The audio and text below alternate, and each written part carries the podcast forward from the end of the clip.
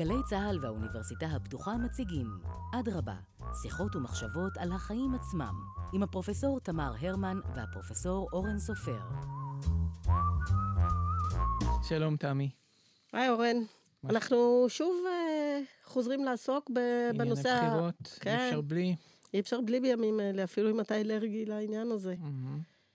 אה, והפעם אה, נעסוק במשהו שנמצא מסביבנו בכל מערכת בחירות, ואנחנו נוטים לקחת אותו כמובן מאליו, אבל הוא לא מובן מאליו, הוא לא תמיד היה שם, וזה כל נושא הסקרים. ונמצא איתנו אחד המומחים הגדולים שגם מגיב על הנושא הזה כמעט כל מערכת בחירות בזמן האחרון. ונרצה לשוחח איתו על זה, פרופסור גבי ויימן מהחוג לתקשורת באוניברסיטת חיפה, והוא גם אה, פרופסור אורח באוניברסיטת מרילנד בארצות הברית. שלום גבי. שלום. שתדעו לכם שגבי פרסם המון באורך כל השנים, שמונה ספרים. תשעה, אבל מי סופר? תשעה, תשעה, ו-180 מאמרים. כן. השמונה היה שם, אני זוכרת כששוחחנו. אה, והוא גם אה, עסק בענייני ציבור, לא רק בענייני אקדמיה. אה, הוא היה אה, חבר המועצה, מועצת הרשות השנייה לרדיו וטלוויזיה, והוא מרבה להופיע בנושא תקשורת אה, בעיתונות, ברדיו, בטלוויזיה, באתרי אינטרנט חדשותיים, כך שמי טוב כמוהו כדי לפענח לנו את כל השיח החיובי והשלילי שמתפתח והתפתח בעיקר בשנים האחרונות סביב נושא הסקרים. שתמי, כמובן גם לך יש אה, יד ורגל בעניין הזה, כמי שלפעמים סוקרת, אם כי אני חושב שעכשיו לא, נכון? מתוך איזושהי החלטה עקרונית? גילוי נאות, כן, אני עוסקת הרבה בסקרים, אבל אני לא מפרסמת uh, תוצאות לקראת uh, בחירות. אני לפעמים שואלת דברים מסביב, אבל בהחלט לא מפרסמת את הנושא של uh, תחזיות. אנחנו נדבר על זה, גבי, באמת, על ההבדל בין סיקור ובין תחזית, שזה לא בדיוק... אותו דבר, אבל אין ספק שזו תעשייה מאוד מאוד uh, גדולה, משגשגת, מזיזה הרבה כספים, וגם מזיזה הרבה מאוד אנשים, ועל זה אנחנו נרחיב. אז, uh, אז בואו אולי תספרו בהתחלה, בואו אולי תספרו בהתחלה מה, מה קורה בימים האלה. זאת אומרת, uh, באיזה רמה, uh, באיזה דחיפות מפלגות, uh, ערוצי תקשורת uh, מבצעים את הסיקור, ומה העמדה שלכם סביב העניין הזה? בשנות התשעים פרסמתי מאמר שקראתי לו האובססיה לסקרים, וחשבתי שראיתי את השיא. והנה זקנתי, ואנחנו ב-2019, ומה שהיה אז אובססיה, הוא משהו גמדי לעומת מה שאנחנו רואים היום. אנחנו רואים מאות סקרים, אנחנו מוצפים בסקרים, חלקם סקרים טובים, חלקם סקרים גרועים, חלקם סקרים אמיתיים, חלקם בכלל לא נערכו, חלקם עובדו. זה טבעו של העיסוק בסקרי בחירות כיום. בוא נספר איך בכלל התחיל העניין של הסיקור, כמובן שהוא התחיל בארצות הברית, זה, זה חלק מה, מהאתוס של, של התעשייה הזאת. אני לא בטוח שהוא התחיל בארצות הברית, ואני חושב שהייתי מגיע לארון אל-רשיד, שרצה לדעת מה חושב על הציבור, ועשה סקר בלי מכון ובלי מין הצמח. ובלי אה, קמיל פוקס, ופשוט הלך לשווקים, התחפש ורצה לשמוע מה אנשים חושבים עליו.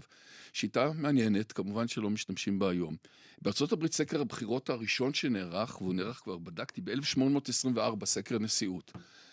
אה, אבל היו הרבה אחר כך. ומי שמאוד פיתח, וזה מעניין, לא יודעים על זה הרבה, את הנושא של סיקור דעת קהל, לא בהקשר של בחירות, היה הנאצים מלחמת, לפני מלחמת העולם השנייה, ובזמן המלחמה. גבלס היה לו מנגנון של סקרים, הוא רצה לדעת מה חושב הציבור, מה מורל הציבור, מה האמון של הציבור בהיטלר, ופיתח מערכת של סקרים מאוד מאוד מדויקים ואמינים.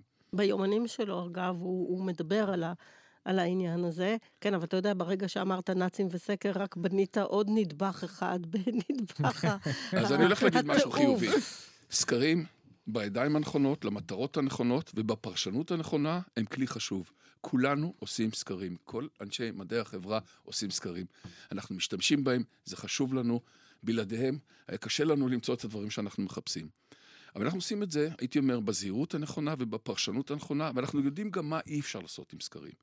אני למשל, הייתי מתקשה מאוד לעשות סקר שיחזה מה יהיה עתידו של האינטרנט לדעת הציבור בעוד חמש שנים.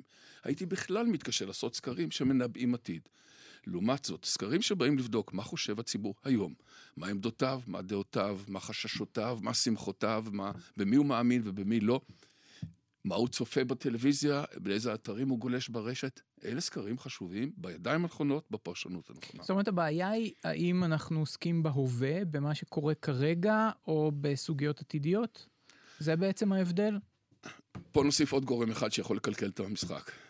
אם זה בידיים הנכונות, ידיים מקצועיות נכונות, ללא מניפולציות, ללא אינטרסים, זאת אומרת, זה נעשה למטרות של לימוד, ולא למטרות של בוא ניצור לנו פלטפורמה תעמולתית, בוא נצטייד בנתונים שמקדמים אותנו.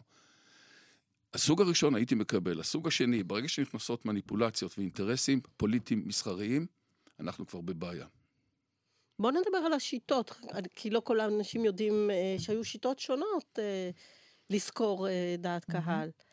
הייתה השיטה שכמובן סקר פנים על פנים, שדופקים בדלת, מתיישבים אצלך בשבע בערב על הספה, בדיוק בשעה הכי לא נוחה של היום, ובעבר היו שואלים אותך שאלונים של uh, עשרות, אם לא מאות uh, שאלות. כן, זה היה, אני זוכר אחד כזה, שזה היה כיף גדול, שאלו אותי האם יש טלוויזיה, והסוקר ואני הסתכלנו וראינו שיש טלוויזיה. אז אמרתי, אבל יש טלוויזיה, אז אמרו לי, אבל אתה צריך להגיד שיש טלוויזיה, כי בלי שתגיד, זה לא יכול להיות בסקר. אגב, אה, הסקרים של הלשכה המרכזית לסטטיסטיקה, אתה מחויב לענות עליהם בתוקף כן. חוק. זאת אומרת, זה... האוכלוסין. כן. גם הסקר החברתי. נכון. אז אה, האמצעי הזה הוא אמצעי בעצם במובנים מסוימים כלי מדיניות ממדרגה ראשונה, נכון. וגם אם אפשר לומר שזה... אה, דמוקרטי, כי הרי אתה לא יכול כל יום לשאול את האזרחים מה דעתם, ופתאום יש להם הזדמנות בהקשר הזה. הנה הדוגמה, מעטים יודעים שההחלטה לחוקק בארץ חוק גיוס חובה, הוא בא, ההחלטה הזו באה בעקבות סקר שעשה פרופסור גוטמן, רועי גוטמן, זכרונו לברכה, אה, מיד אחרי, שנות, מיד אחרי הקמת המדינה. בן גוריון האמין, דרך אגב, שיהיה צבא העם, כלומר, אנשים יבואו ויתנדבו. אמרו לו, תעשה סקר, כי זה לא בטוח שכולם יבואו. עשו סקר וקיבלו שרק 18% יבואו. אמרו ל... אה, לבן גוריון, אתה חייב לעשות חוק. הוא אמר, לא, לא, הם יבואו, תעשו עוד פעם את הסקר, משהו לא בסדר. התוצאה הייתה זהה, וכתוצאה מכך קיבלנו את חוק גיוס חובה.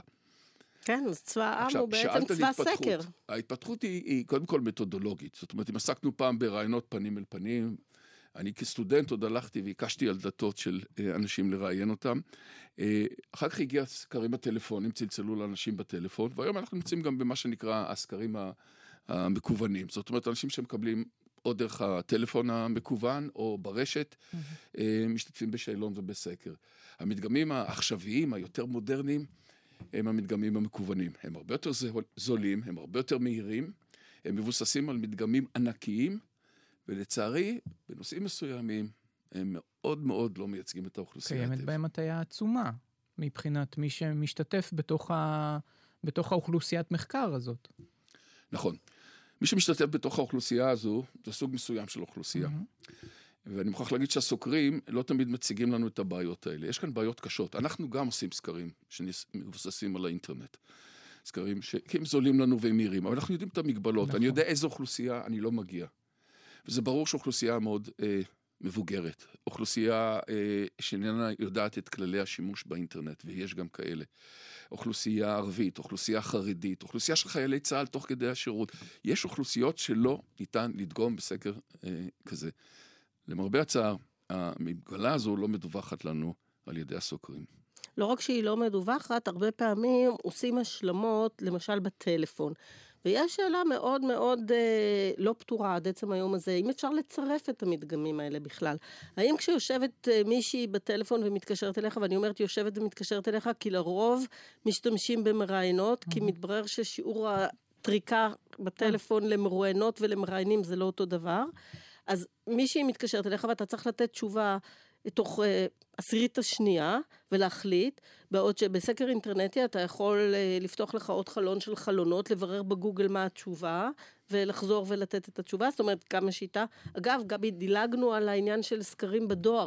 נכון, גם זה היה. זה היה עוד לפני שאתה ואני אפילו היינו מתוכננים, נכון. אה, והיו שולחים אה, שאלונים בדואר, ואנשים היו טובים מעניין. והיו היה... עונים. אחת הכישלונות הכי גדולים בהיסטוריה של סקרים, ולצערי יש הרבה כישלונות כאלה, לא רק אצלנו, בכל העולם, היה ב-1936 בחירות לנשיאות בארצות הברית, כאשר הם החליטו לעשות, עיתון עשה סקר, ושלח למנויים שלו, קיבל אחוז החזרה של 24 אחוז, נכשל בנבואה שלו, ניבא הצלחה של הנשיא הלא נכון, אבל זה היה סקר שנעשה דרך המנוי הדואר.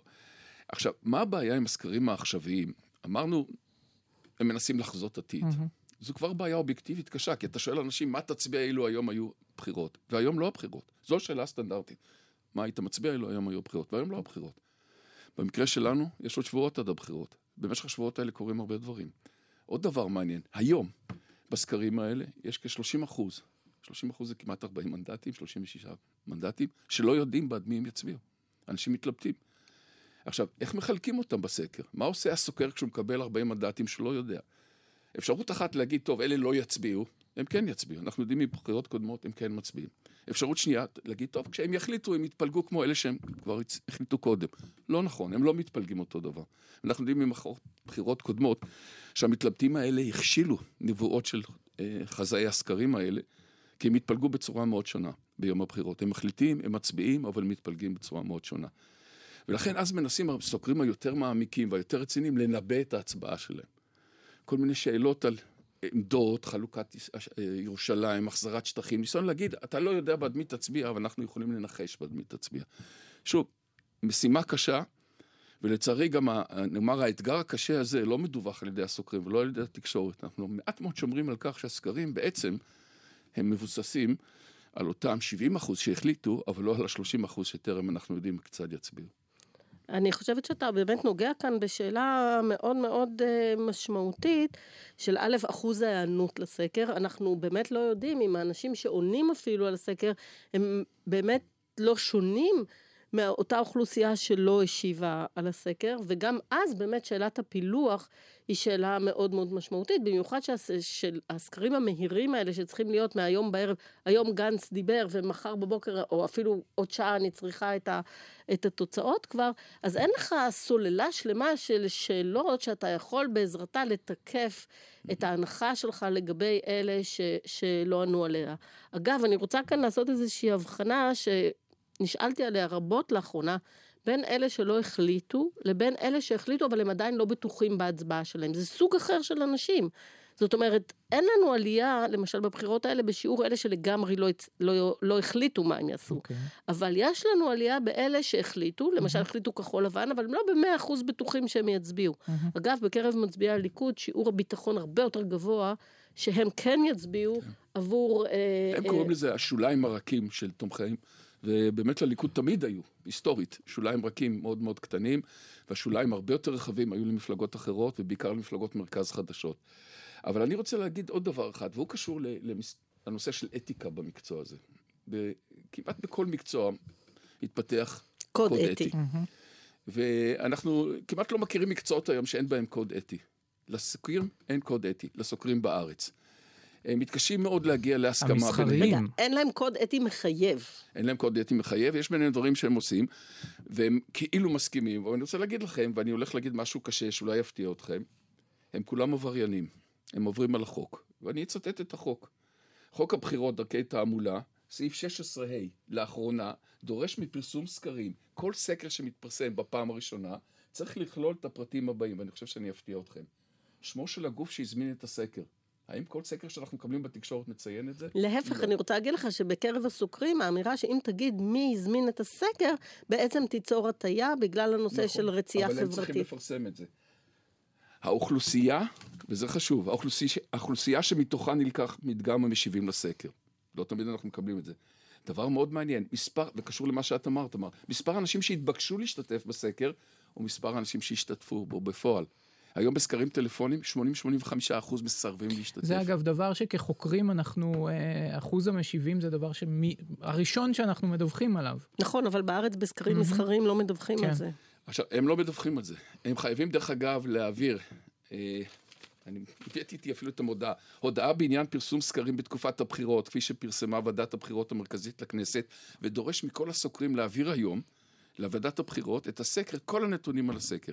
אז בדקתי, כמה סקרים אתם חושבים? מתוך המאות שנערכו עכשיו, הועברו לוועדת הבחירות? התשובה היא אפס. הסקרים האחרונים שמצאתי שם, היו מהבחירות המוניציפליות הקודמות. ולדעתך, בכל האקולוגיה הזאת, משהו משתנה בעקבות uh, העידן הדיגיטלי, בעקבות הרשתות החברתיות. זאת אומרת, קורה פה, uh, קורים הרבה דברים חדשים. מבחינת השפעות של התקשורת, מבחינת דעת הקהל, שאנחנו לא כל כך יודעים אה, עד תומן להסביר אותם. האם זה משפיע גם על היכולת שלנו לחזות אה, תוצאות של בחירות, כי חלק מתוך השיח קורה במקומות אחרים? אתה יודע, אורן, אנחנו כחוקרי תקשורת לפעמים שואלים את השאלות לא רק על האם זה משפיע על הבוחרים, השאלה הקלאסית, אלא גם שאלות שמעבר לזה. האם זה משפיע על אקלים הדעה? האם זה משפיע על איכות השיח הפוליטי? Mm-hmm. ואני יכול להגיד לך שכאן החששות שלי יותר גדולים. אני חושב שחלק מהציבור יודע כבר לקחת את הסקרים בערבון מוגבל, והוא רואה בזה מין מרוץ, תקרא לזה תוכנית אה, ריאליטי פוליטי. Mm-hmm. כל ערב נראה את הסקר של הערב, מי עלה, מי יורד, איך הסוסים רצים במרוץ הזה. אבל אני חושב שזה גם משפיע על איכות הפוליטיקה שלנו והשיח הפוליטי. הסקרים? כן. כי אם הפוליטיקאים חיים מסקר לסקר, והשיקולים שלהם נגיד הצגת נושאים, בחבירות ובפיצולים, באיחודים ובניית אה, מפלגות חדשות, מבוססים על סקרים וסקרים מהסוג עם הפגמים שהזכרנו עד עכשיו, אנחנו מקבלים פוליטיקה ללא חזון וללא מצעים אמיתיים, אלא פוליטיקה של סקרים. פוליטיקה של טווח קצר ולא פוליטיקה של טווח ארוך וחזון. זו השפעה, אני חושב, הרעילה יותר של תרבות הסקרים, שאנחנו לא מתייחסים אליה. יותר מזה, ואני בהחלט מקבלת את מה שאתה אומר, אה, גם העובדה שאם אתה אומר על מפלגה שלא עברה את אחוז, שלא, היא לא תעבור mm-hmm. את אחוז החסימה, שהיום הוא 3.25 mm-hmm. כמובן, אתה עלול לקבור אותה. אנחנו יודעים גם על מקרים ש, שקברו מפלגות. מפלגה של לואו אליאב בשעתו, אמרו שהיא לא תעבור את אחוז החסימה, והיא אכן לא עברה, כן. כי אנשים הפסיק, לא, לא כן. לא הצביעו עבורה, mm-hmm. וכששאלו אותם אה, כמה התכוונו להצביע, כנראה שהיא כן הייתה עוברת את אחוז החסימה, ולכן אגב יש הוראה של ועדת הבחירות לדווח על כל מפלגה שקיבלה לפחות אחוז אחד אה, בסקר, כדי לא לגבור אה, מפלגות כאלה. יש כאן הרבה מאוד קולות בתוך הסל אה, הזה של מפלגות שכמעט נכון, לא עוברות, נכון. שיכולות להטות את מאזן הגושים במידה רבה. אני רוצה לשאול אותך באמת שאלה שאני לא יודעת עליה את התשובה. אומרים שאפשר לנתח היום big data במקום לעשות סקרים. מה אתה אומר על, ה, על האופציה הזאת? אני חושב שצריך לחפש את הדרכים. נכון שבתוך ה big data אנחנו יכולים למצוא נתונים שיכולים לנבא הצבעה. אלה באמת, אה, נקרא לזה מתודות מאוד מאוד חדישות. אנחנו מנסים עכשיו להסתכל, ואני חושב שהרבה מאוד סוקרים גם בודקים את האפשרות להצטייד ב big data שיהיה תקף על פני השיטות הקיימות. אה, אני עדיין לא ראיתי ולא שמעתי על מחקר שהצליח לחזות בחירות על סמך big data. בוא נקרא לזה, זה הטרנד מערכות הבחירות הקרובות, אבל ללא ספק זה הכיוון המסתמן. אתה יודע שיש היום כבר מכון סקרים אחד בארץ, חדש, אני לא אנקוב כן. בשבו, בשמו, שמשתמש רק בזה, הוא לא סוקר בכלל, והוא אגב אה, נשכר, נשכר בשין, בסין וכף, על ידי אחד מאפיקי המדיה המרכזיים, והם נותנים להם את ה data. ואתה אומר, יש פה מישהו שמתעסק בכלל בכלל בשיטה אחרת, שעוד אין לנו בכלל שום אסמכתה, אבל הם יוצרים מציאות, כי זה אפיק אה, אה, תקשורת מאוד מרכזי. אני הרבה פעמים נשאלתי, האם אנחנו צריכים לחנך את הציבור אה, בפני סקרים? האם אנחנו צריכים להגביל את הסקרים, לאסור את הסקרים? האם צריך לחוקק חוקים? ואני חושב שלא, אני חושב שסקרים... גם בחלק הבידורי שלהם יש להם ערך מסוים. אגב, הם גם גורמים לאוכלוסיות להיות מרותקות לפוליטיקה, ואולי לקרב אותם לשיח הפוליטי, אנשים שמנוכרים ולא מעוניינים. זה כמו טוטו או לוטו. נכון, אבל עם כל זה, צריך לצייד, אני חושב, את הציבור בכללי קריאה נכונים של סקרים. ועוד יותר חשוב, אה, צריך לתת לעיתונאים. חלק מהעיתונאים יודעים היטב את פגמיהם של הסקרים שהם מציינים. הם יודעים שהסקרים שהם קיבלו הם לפעמים מוטים, והם באים ממקור מסוים, ובאים לשרת מפלגה מסוימת או קו מסוים. אני חושב שגם העיתונאים לא צריכים להיות פרשנים אוטומטיים, או נקרא לזה נערי שליחויות של הסוקרים, ולהעביר את הסקר כמו שהוא, אלא לדעת גם להסתייג וגם לבקר. יש היום הרבה מאוד דוגמאות לסקרים שהם... הם, כי הסוקרים אומרים לי למשל, מה אתה רוצה? אנחנו לא חוזים בחירות, אנחנו משקפים את המצב היום. אז אני אומר, אז אם כך, איך אתם מסבירים את השונות העצומה בין סקרים שנערכו באותו יום? כשצצה מפלג, מפלגה חדשה, הימין החדש, יום לאחר מכן, אם אתם זוכרים, היו המון סקרים, עם פערים ענקיים ביניהם. פערים של מאות אחוזים, מאה ומשהו אחוזים, בין ארבעה לארבע עשרה מנדטים. זה פערים ענקיים שהם בוודאי מחוץ לטעות הסטטיסטית. הציבור צריך לדעת. אנשי התקשורת, אלה שמביאים לנו בלהט כזה את הסקרים, צריכים גם לדעת לסייג את עצמם ולהגביל את עצמם בפרשנויות שמבוססות על סקרים. כן, זה באמת אה, אה, נושא שאתה יודע, יש פה industry עם המון כסף. אבל ו... אולי אנחנו ישנים בחשיבה שלנו, אולי זה כבר הרבה פחות חשוב, ומה שחשוב באמת קורה למשל ברשתות החברתיות, ולא צריך סקר. זאת אומרת, אולי, אולי באמת ההשפעה של זה, שאנחנו מדמיינים אותה, היא קצת השפעת מבט כזאת. של... אבל כאן יש לך את הבעיה שאנחנו נדון בה, או דנו בה גם בהקשרים אחרים, וזה שכל אחד מאיתנו נמצא בתוך תיבת ההדהוד שלו, נכון. באקו צ'יימבר. נכון. ואז אתה בעצם לא באמת יודע מה קורה שם, אתה יודע מה קורה בסביבה שאתה נמצא איתה בקשר. אני מסכים לגמרי, ואולי לכן הסיפור המסורתי של הסקרים והביקורת של, עליהם היא הרבה פחות משמעותית בעידן הזה. מה שחשוב זה בעצם הסביבה הדיגיטלית שמקיפה אותנו. את צריך לדעת שתמר הזכיר את ה big data. Mm-hmm. אחד ממשאבי ה big data שעשויים לשמש מקור נהדר, והוא כבר מוכיח את עצמו, לנסות לנבא אה, תוצאות בחירות, הוא באמת גם השיח החברתי ברשתות mm-hmm. החברתיות. שוב, הסקרים בשיטה הישנה, אם היינו לוקחים אותם, לאו דווקא בישראל, וקוראים אותה ומאמינים להם, אז הילרי קלינטון הייתה נשיאה, ובריטניה הייתה בתוך, ה... לא הייתה עושה את הברקזיט, ופה היה בוז'י הרצוג, היה ראש הממשלה. את כל הדברים האלה ניבאו הסקרים הישנים. אבל היו, כמו שתמר ציינה, היו גם בחו"ל ניסיונות להשתמש במאגרי מידע מסוג אחר, מה שאנחנו קוראים ה big data, כולל שיח חברתי. ואחד המנתחים שהצליח להצביע על ניצחונו של קלינטון, מראש, לפני הבחירות, אמר, עשיתי את זה אך ורק כאשר הסתכלתי על השיח החברתי. ניצחונו של טראמפ. כן. ניצחונו של טראמפ. נכון. טראמפ, סליחה. כן. ראיתי את ניצחונו של דונלד טראמפ. אתה רואה, יש פה wishful thinking אפילו בהקשר שלנו. יכול להיות. כן, ובאמת המאגרים הגדולים של ההצבעה של טראמפ, לא באו לידי ביטוי בסקרים נכון, האלה. נכון, אבל אם אני, אם אני זוכר נכון, זה היה ניתוח בדיעבד, ולא... לא, לא, לא, לא, לא, לא, לא, הוא עשה לפני זה. היה אחד שעשה, שעשה כן. את זה. עשה לפני הבחירות, ולכן כולם אחרי כן. הבחירות ניסו להבין איך הוא הצליח לנבא, והוא אמר, אני בכלל לא עשיתי סקרים. אני ניתחתי ניתוחי תוכן. את השיח ברשתות וראיתי לאן הרוח נושבת. אגב, מספיק היה לנסוע עם כמה נהגי מוניות בארצות הברית קצת לפני הבחירות ולשמוע מה הם חושבים, וכבר יכולת לעשות איזושהי הנחה למה שקורה. אתה רוצה להסביר לנו, וזה אנשים באמת הרבה פחות מכירים, את ההבדל בין סקרים לפני בחירות לבין ה exit polls? כן.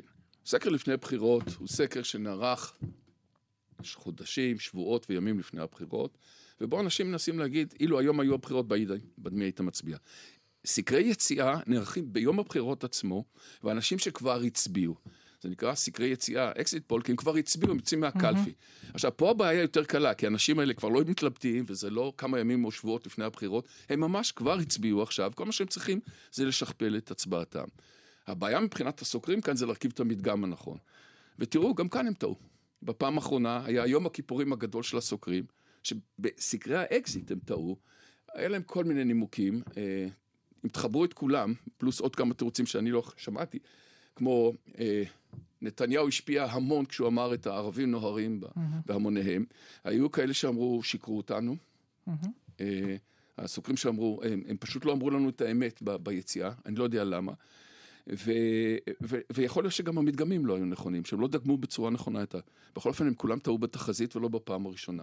אבל זה סקרים מסוג שונה, הם כביכול יותר קלים. התופעה של לשקר היא תופעה רווחת, אנחנו מכירים אותה מבחינה תיאורטית, יכולים להסביר אותה, למה יש סוג של כעס או חוסר רצון לשתף פעולה, או אפילו כן. ניסיון לחבל בעבודה הזאת? חלק, חלק זה הסבר כמעט טכנולוגי. הרבה מאיתנו מקבלים היום, מוצפים בשאלונים בטלפון, כן. אתה מקבל כל מיני הודעות.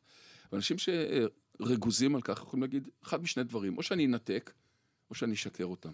אני פשוט אגיד להם משהו לא נכון, כדי לתת אפילו תשובה אבסורדית.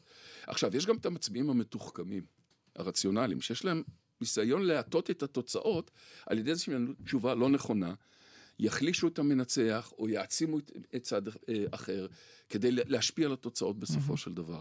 אז יש לנו כמה סיבות לשקר. ומסתבר שזה קורה די הרבה, בעיקר בסקרים האלה של, ה, של האינטרנט. כן. לאן אתה חושב התעשייה הזאת הולכת?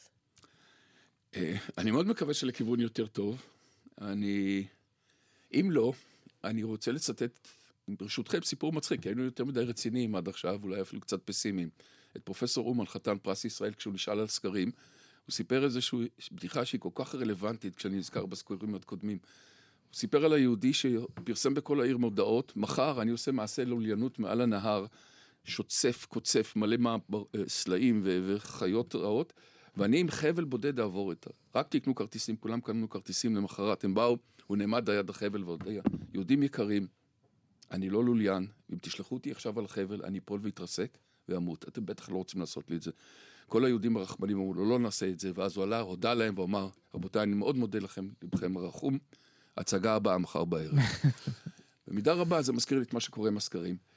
הסקרים, כמו שהם נערכים היום, יש לנו תמיד, אחרי הסקרים, את ההתנצלויות ואת הפרשנויות ואת ההסברים. איפה התקווה? התקווה היא או בהיווצרות של קוד אתי בין הסוקרים הרציניים, ויש לא מעט כאלה גם בארץ, וגם הכיוון שאת רמזת עליו, תמר, טכנולוגיות חדשות, ניתוח של big data, שאיבת מידע מתוך רשתות חברתיות ושיח ברשתות החברתיות. אולי שם נמצא תשובה לכל הפגמים של סקרי דעה. אולי בתוך שילוב של מתודולוגיות שונות.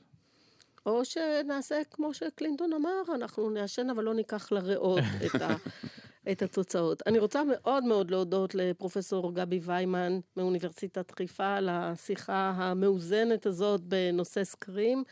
אה, אורן, אנחנו, אנחנו נצא להיות, לעשות סקר? אנחנו לא יוצאים רק אחרי הבחירות, אבל אה, אנחנו צריכים להיות זהירים אם, אם לסכם, נכון? אוריינות אומרת, כמו בכל דבר בדיוק, אחר. בדיוק, אוריינות כלפי סקרים, אה, לקחת את זה בערבון מוגבל, אה, ולקחת בחש... בחשבון גם את הטעויות שכבר ראינו בעבר. אה, אבל... סקרים זה טוב, אבל אל תאכלו במחלקת הסכרת. תודה. רבה. תודה לכם. אדרבה, מגישים הפרופסור תמר הרמן והפרופסור אורן סופר, האוניברסיטה הפתוחה. עורכת נוגה קליין, מפיקות ליאור ארליך ודנה חיות שני. תודה למאיה להט קרמן ולאביה גל. thank you